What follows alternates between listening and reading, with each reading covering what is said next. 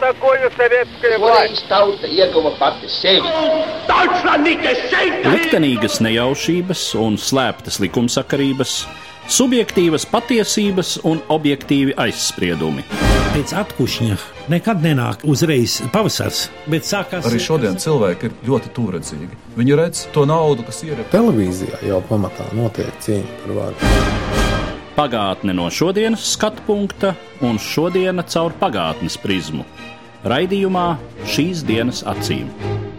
Katru svētdienu Latvijas radio ēterā Eduards Liniņš. Labdien, cienījamie klausītāji! 5. aprīlī Latvijas Nacionālais vēstures muzejs atklāja izstādi, kas veltīta simtgadēji kopš Latgales Latviešu kongresa. Mani sarunbiedri šodien studijā muzeja pētnieki un šīs izstādes veidotāji Toms Čikuts, labdien! Labdien! Imants Cīrulis, Labdien! labdien! Un Arnis Strasdiņš. Labdien! Izstāde, cik var noprast no tās anotācijas, ir veltīta ne tikai pašam kongresam, bet Latvijas situācijai ilgākā laika periodā pirms šī brīža, kad Latvijas latvieši pirmo reizi pauž savu kopību ar pārējo Latvijas daļu. Ja mēs tā lēšam, ka 1917. gadu kādi 350 gadi šķir no brīža, kad izveidojas Kurzemes un Zemgales hercogiste. Kurzeme un Zemgale jau ir cita valsts, nu un tad atkal tā rupi runājot, pusgadsimtu vēlāk Zviedrijai iekarojot vidzemi, arī vidzeme kļūst par citas varas pārvaldītu teritoriju. Kas tad šais gadsimtos Latgalē notika citādi nekā pārējā Latvijā? Citādības sākums vispilgtāk, manuprāt, iezīmējas ar to, cik lielā mērā vietējā mužniecība spēja 18.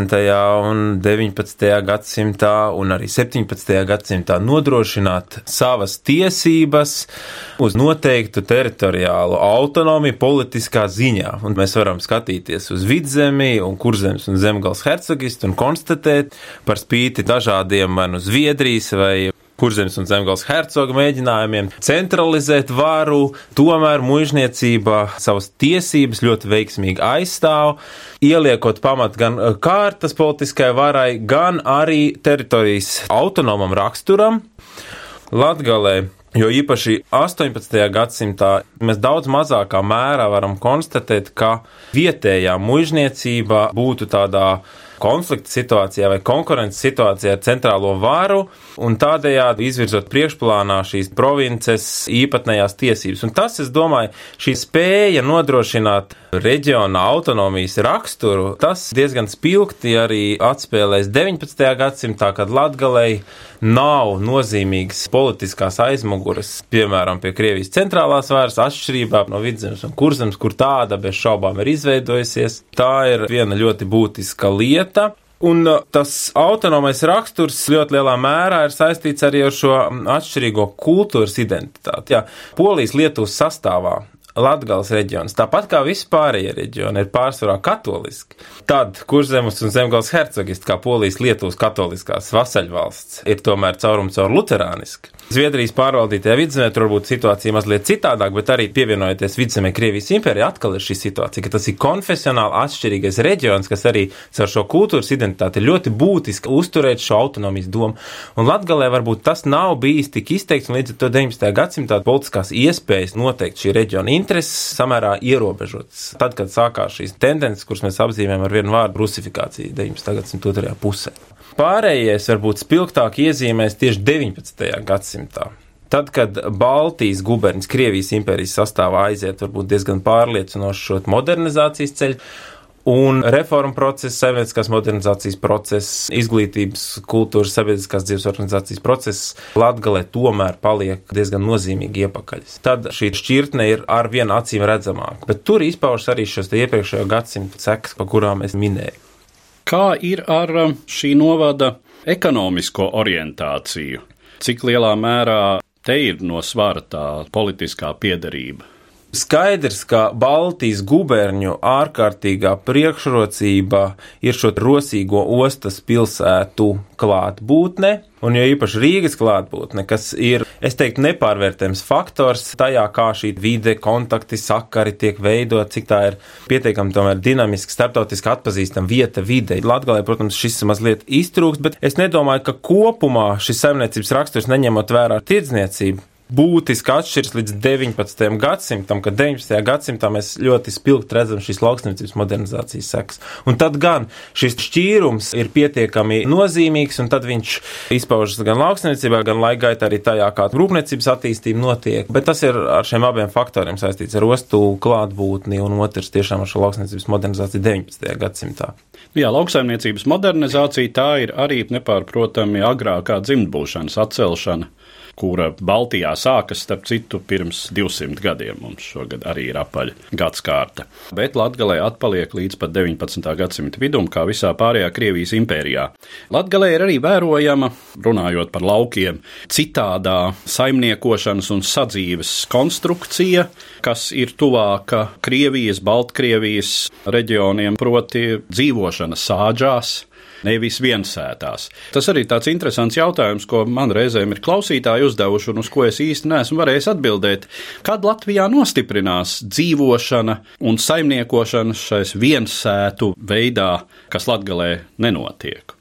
Tas, ko mēs saucam par sētu vai ciematu tajā Baltijas izpratnē, tas jau arī 17. un 18. gadsimtā ir tāds ļoti paplašināts organisms ar daudzām ģimenēm, vienas dzimtas vairāku pauģu kopā dzīvošanu. 19. gadsimtā līdz šo modernizēto mazo ģimeņu dominēšana, tas varbūt kļūst par to klasisko viensētu, ko mēs izprotam ar vienas saimnieka ģimenes paudzes, vai varbūt nu vēl klāt ir tēvs, māte, varbūt kāds brālis, dominēšana, un tad pārējie klāt dzīvojošie ir kalpi, kad beidzas arī pušelnieku saimniecība laikmets 19. gadsimta vidū.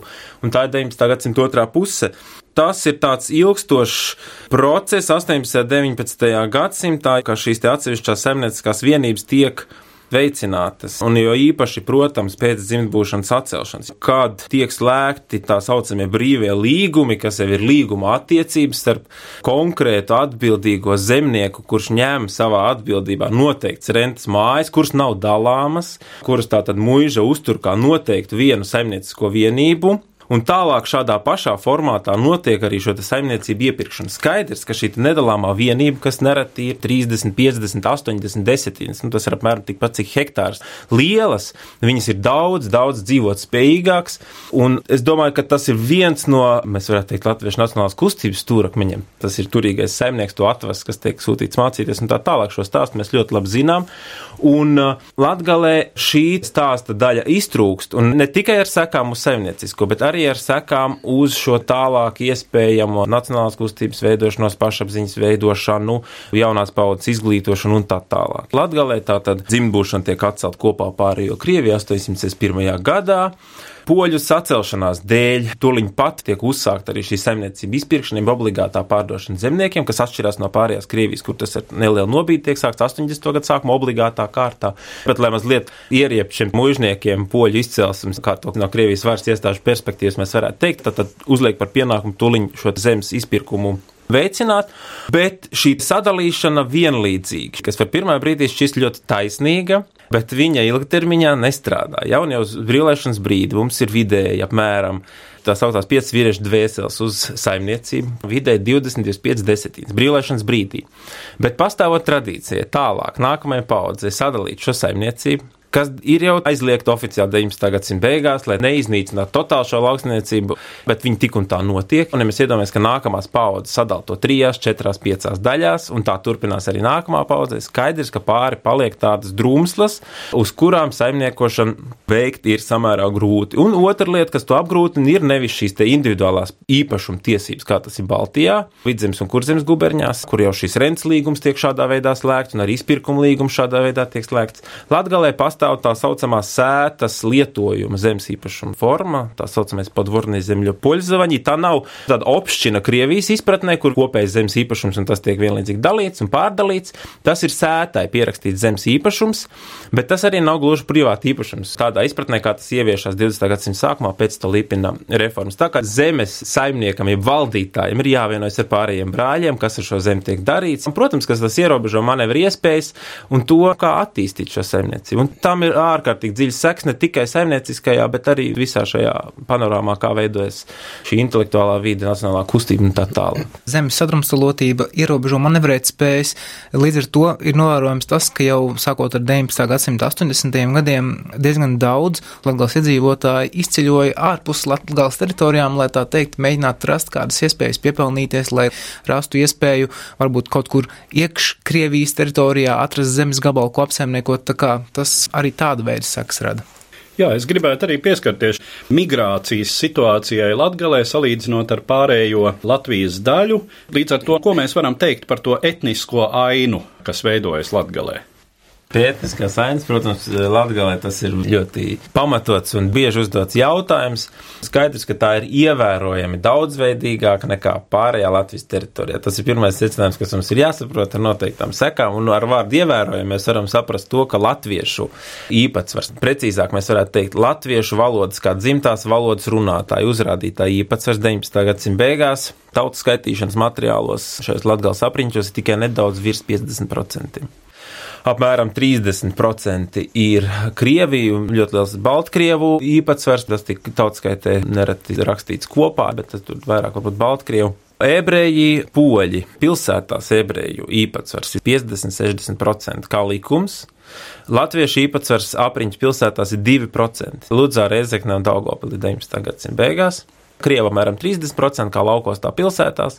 Un viens ir šis ebreju ieceļošanas stāsts, protams, Polija, Lietuva kā liberāli pret ebreju minoritāti, un vēlāk tad Vitebisks guberņa arī tā sauktajā ebreju apmešanās joslā Krievijas impērijā. Tas ir viens, kas nosaka šo migrācijas situāciju. Otrs, protams, ir arī šī vecticībnieku ieceļošana, kas veido salīdzinoši noslēgta daļa Krievu kopienas, bet viņi ir pastāvoši, ilgstoši pastāvoši ar savām tradīcijām, ko viņi uztur samērā noslēgtā vidē. Un tad ir jautājums, protams, par 19. gadsimtu. 19. gadsimtā šis jautājums ir daudz sarežģītāks, jo tur arī no latviešu vēstures rakstīšanas tradīcijas pastāv zināmi tādi džungļi varbūt šajā formulējumā. Nu, kas tad tas ir?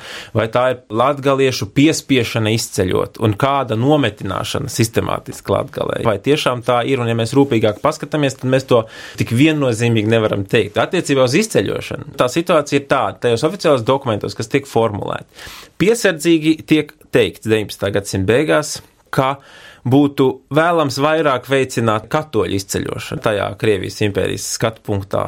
Bet tas nav normatīvi noteikts, un tam varbūt būtiskas sekas nav. Tur visu vairāk vai mazāk nosaka šī ekonomiskā situācija. Attiecībā uz ieceļošanu ir mēģinājumi veicināt ieceļošanu pēc 863. gada poļu sacelšanās, jo īpaši Bet kopumā Ziemeļrietumu guberņās, un tur ir lietuviešu pētniekiem labi pētījumi, parāda, ka šī nometināšana sistemātiskā, nu viņa īsti neizdodas. Tātad viņa nekad tādā sistemātiskā veidā, kā tas ir iecerēts šajos normatīvos dokumentos, kur patiešām ir skarbi formulējumi, ka mums ir jāpalielina pareizticīgo un krievu īpatsvars noteiktās guberņās, viņa tādā formā nav izdevusies. Cits jautājums vēl ir tas, ka, protams, atrodoties vienas, piemēram, 18. gadsimtā, 19. gadsimtā vienas Viķeriskas guberņas sastāvā, skaidrs, ka šīs migrācijas notiek no blakus esošiem Baltkrievu apdzīvotiem rajoniem tai skaitā. Cita lieta, kas kavē vietējā saimnieciskā faktora nostiprināšanās, ir tas, ka pēc 863. gada tiek noteikti ierobežojumi poļu izcelsmes personām iegūt uh, zemes privātīpašumu, ar to saprotot šīs pusmužu foļvarks tā saucamos, mūža īpašums un tā tālāk, ar nolūku mazināt poliskā faktora ietekmi Krievijas ziemeļrietumu guberņās. Attiecībā uz izceļošanu. Tas interesantais, protams, ir tas, ka viņa diezgan kardināli atšķiras no Baltijas latviešu zemnieku migrācijas, kur diezgan liela loma ir izceļošanai Rīgā.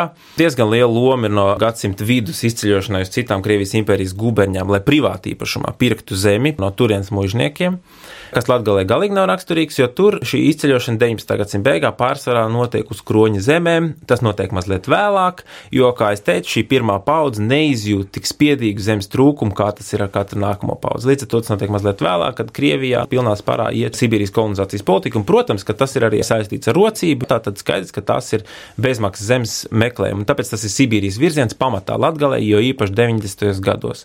Un tur kopumā mēs varam teikt, ka samērā īsā laikā, 19 gadsimta 90. gados un pašā 20. gadsimta sākumā pēc oficiāliem datiem ir gandrīz 70 tūkstoši izceļotāji, kas ir milzīgs skaits. Un turpat mēs varam teikt, ka ir vairāki tūkstoši līdz pat desmit tūkstošiem brīžiem gadu laikā, tas intensīvākais pārceļošanas brīžos, kamēr Baltijā nekad tāda intensitāte nav sasniegta zemnieku izceļošanai. Arī mēs zinām šīs kolonijas Krievijā, bet tur šis vidējais skaits ir 1-2 zemnieku gadā, tādos pat intensīvos brīžos. Turpretī Latgalē par šo galamērķi izveidojas Sanktpēterburga, nevis Rīga.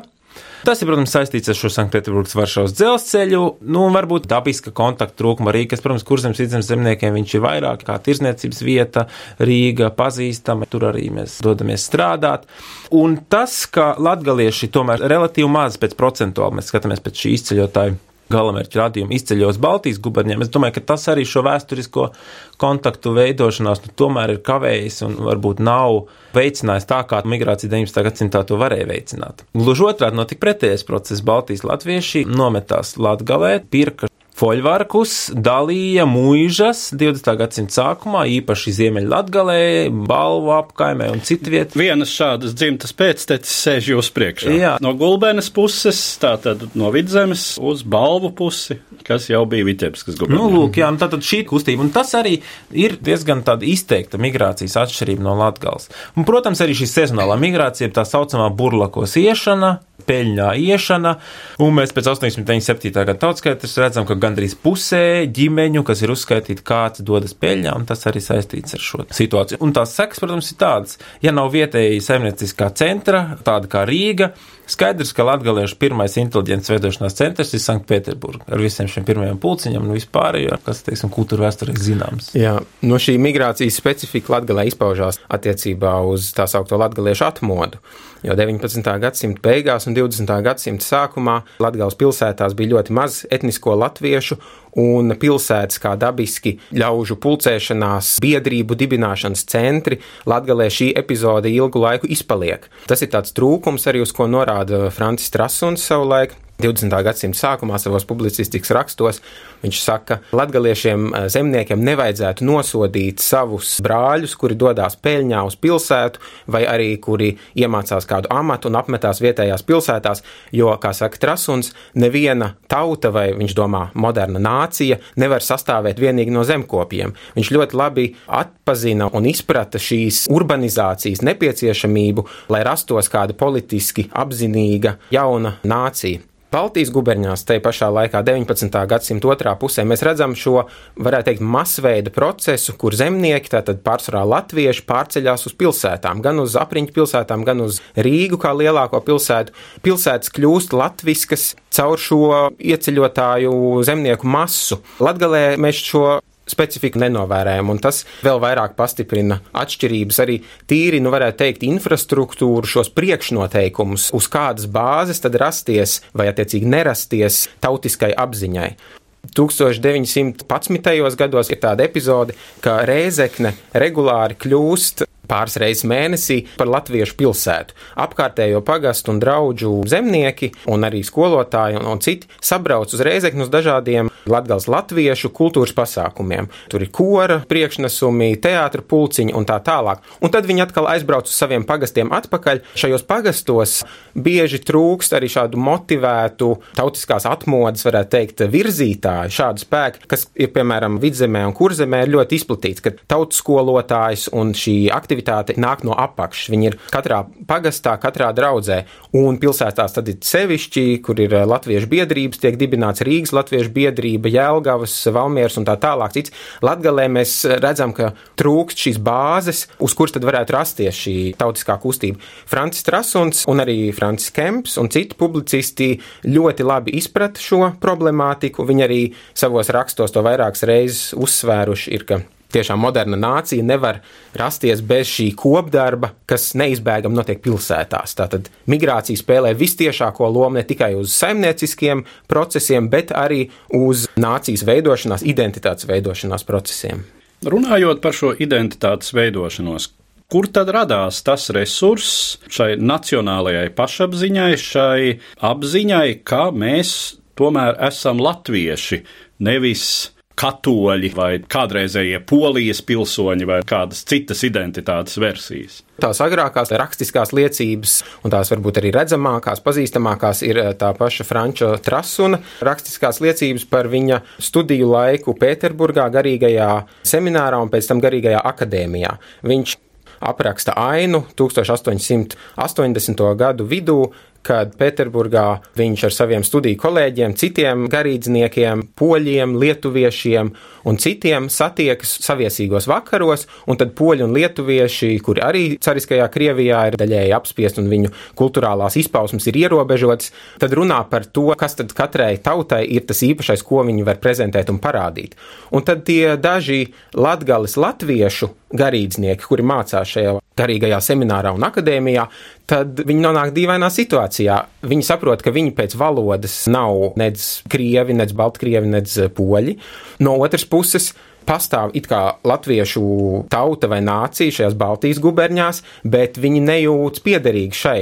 Un viņi nonāk tādā dīvainā situācijā. Tieši šī visagrīnākā latgaliešu elite, tātad garīdzniecības pārstāvi. Frants Trasuns un Jānis Višņevskis tie laikam ir visagrākie, kuri tā mērtiecīgi cenšas apkopot dažādas ziņas par latgaliešu valodu vai izloksni, sastatīt, salīdzināt to ar latviešu vidusdialektu. Viņi sastāda arī Pēterburgā tādu īsu gramatikas pārskatu. Viņi uz pašu iniciatīvas bāzes māca latgaliešu izloksni tiem Pēterburgas garīgā semināra audzēkņiem, kuri paredzēts, ka viņi dosies uz Latgali savā misijas darbā vai attiecīgi stāsies amatā kādā Latgales draudzē. Tie ir tie agrīnākie pirmsākumi.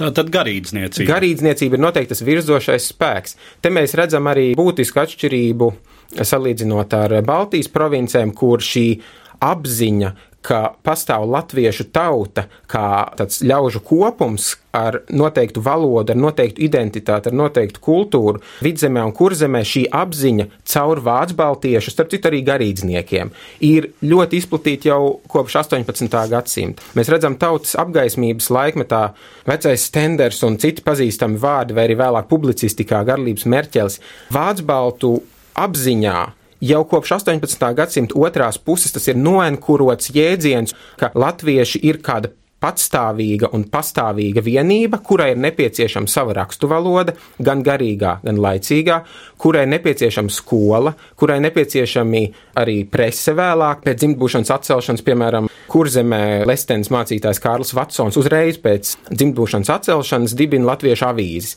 Šī apziņa jau ir un pastāv, un tur nekas vairs nav jāmaina, un kad nāk jaunatvieši 19. gadsimta vidū, tad viņi varētu teikt pārņem šo ideoloģijas monopolu, bet šī doma, šī ideja jau pastāv. Latgalē attiecībā uz latgales latviešiem varētu teikt, pat ir ļoti grūti konstatēt vispār kaut kādu veidu šo apziņu. Tā kā šie iedīgļi, varētu teikt, ļoti vēlu nāk arī chronoloģiski, un arī viņi ir grūti sataustām. Rakstiskās liecības ļoti grūti ir kaut ko atrast. Jā saistībā ar šo pašapziņu un pašidentifikāciju Piemēram, tikai 20. gadsimta sākumā parādās Latgales vārds kā vietvārds, kā reģiona apzīmējums, jo līdz tam to vairāk pazina kā inflantī, kā poļu inflantī, un līdz ar to tikai tad, kad viens no Latgales šīs nacionālās kustības viedokļu līderiem, viens no šiem arī vadošiem darbiniekiem, Francis Kemps, kas gan nenāca no garīdzniecības vidus, bet bija ar inženieru izglītību, kad viņš pētīja 12. un 13. gadsimta kronikas, tostarp arī Nestoru kroniku un pamanīja Latgales vietvārdu